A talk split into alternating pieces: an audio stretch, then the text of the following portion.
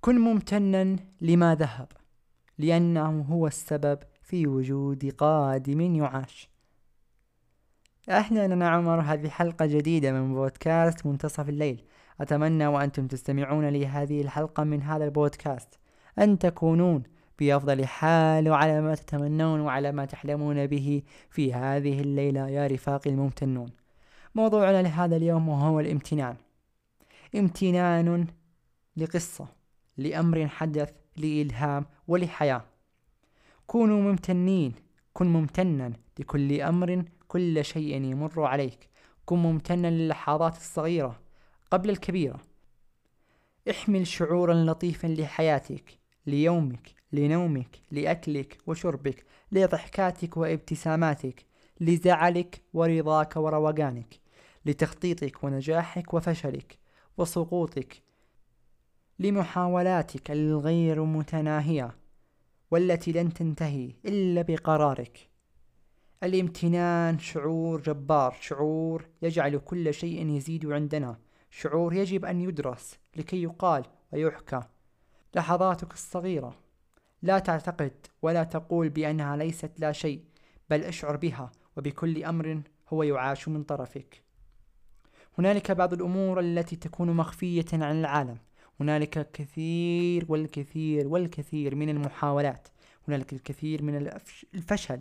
وهنالك الكثير من التوقفات. وهنالك الكثير من الأمور الغير مكشفة أو الغير معلنة للناس. ولكن كل ذلك أنت تعلم به. كن ممتنا كن ممتنا كن ممتنا لكل شيء في حياتك أيا كان حتى وإن كان أمرا لا ترغب به. أو كان أمرا ليس بإرادتك أن يحدث. كن واثقا حالما وسعيدا بحياتك. ويجب عليك أن تعرف بأن هنالك أناس لم يمنحوا فرصة العيش والحلم والفشل والكثير من الأمور في هذه الحياة. عندما تراهم سوف تعلم عن ماذا أتحدث.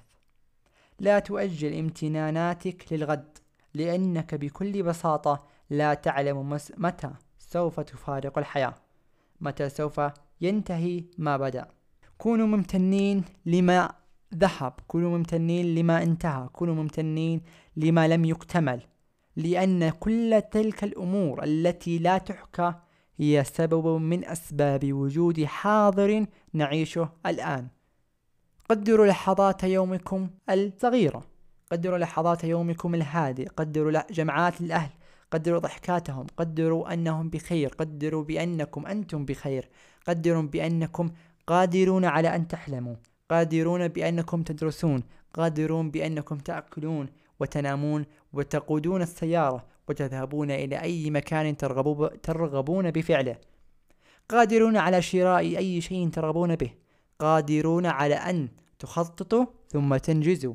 قادرون على أن تضعوا حلما في بالكم ثم تسعون لتحقيق ذلك الحلم. قادرون على أن تعبدون الله. قادرون على أن تشكرون الله. قادرون على أنكم تريدون فعل الكثير والكثير والكثير في هذه الحياة. دائما وأبدا عندما ترغب بفعل أمر ما يجب عليك أن تتوكل على الله. يجب عليك أن تجعل من الله ساندا في هذه الحياة. لديك لحظات ضعف. وضعف كثير ولكن الله لا يوجد لديه لحظات ضعف.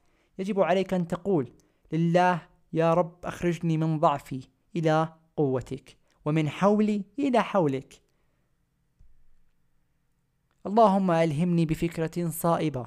اللهم ألهمني بأمر هو خير لي. اللهم وفقني فيما أبتغيه وفيما أريده وفيما أرغب بفعله في هذه الحياة القصيرة. وكما قلت لكم بأنه يجب عليكم أن تعيشوا لحظاتكم الصغيرة قبل الكبيرة أيا كانت اللحظة حتى وإن كانت لحظة لا تعتقدون بأنها مهمة ولكن في حقيقة الأمر هي مهمة وهي تستحق أن تعاش مرة ومرتان ومرات أخرى. امتنان لإلهام لذكرى لشعور لحكاية وكتابة فكرة لكل شيء مهما كان قد أتى إلينا. فشكرا لله على ما مضى وشكرا لله على ما هو آتي. ختاما يا رفاقي الممتنون كونوا بخير ولا تنسوا بتقييم هذه الحلقة على جميع المنصات المتوفرة عليها. وأخيرا لا تنسوا بإعطاء هذه الحلقة لمن تعتقدون بأنها سوف تنال على حسن رضاه واستماعه وحتى مشاعره الجميلة في أحيان أخرى. شكرا لكم وأراكم بإذن الله عما قريب.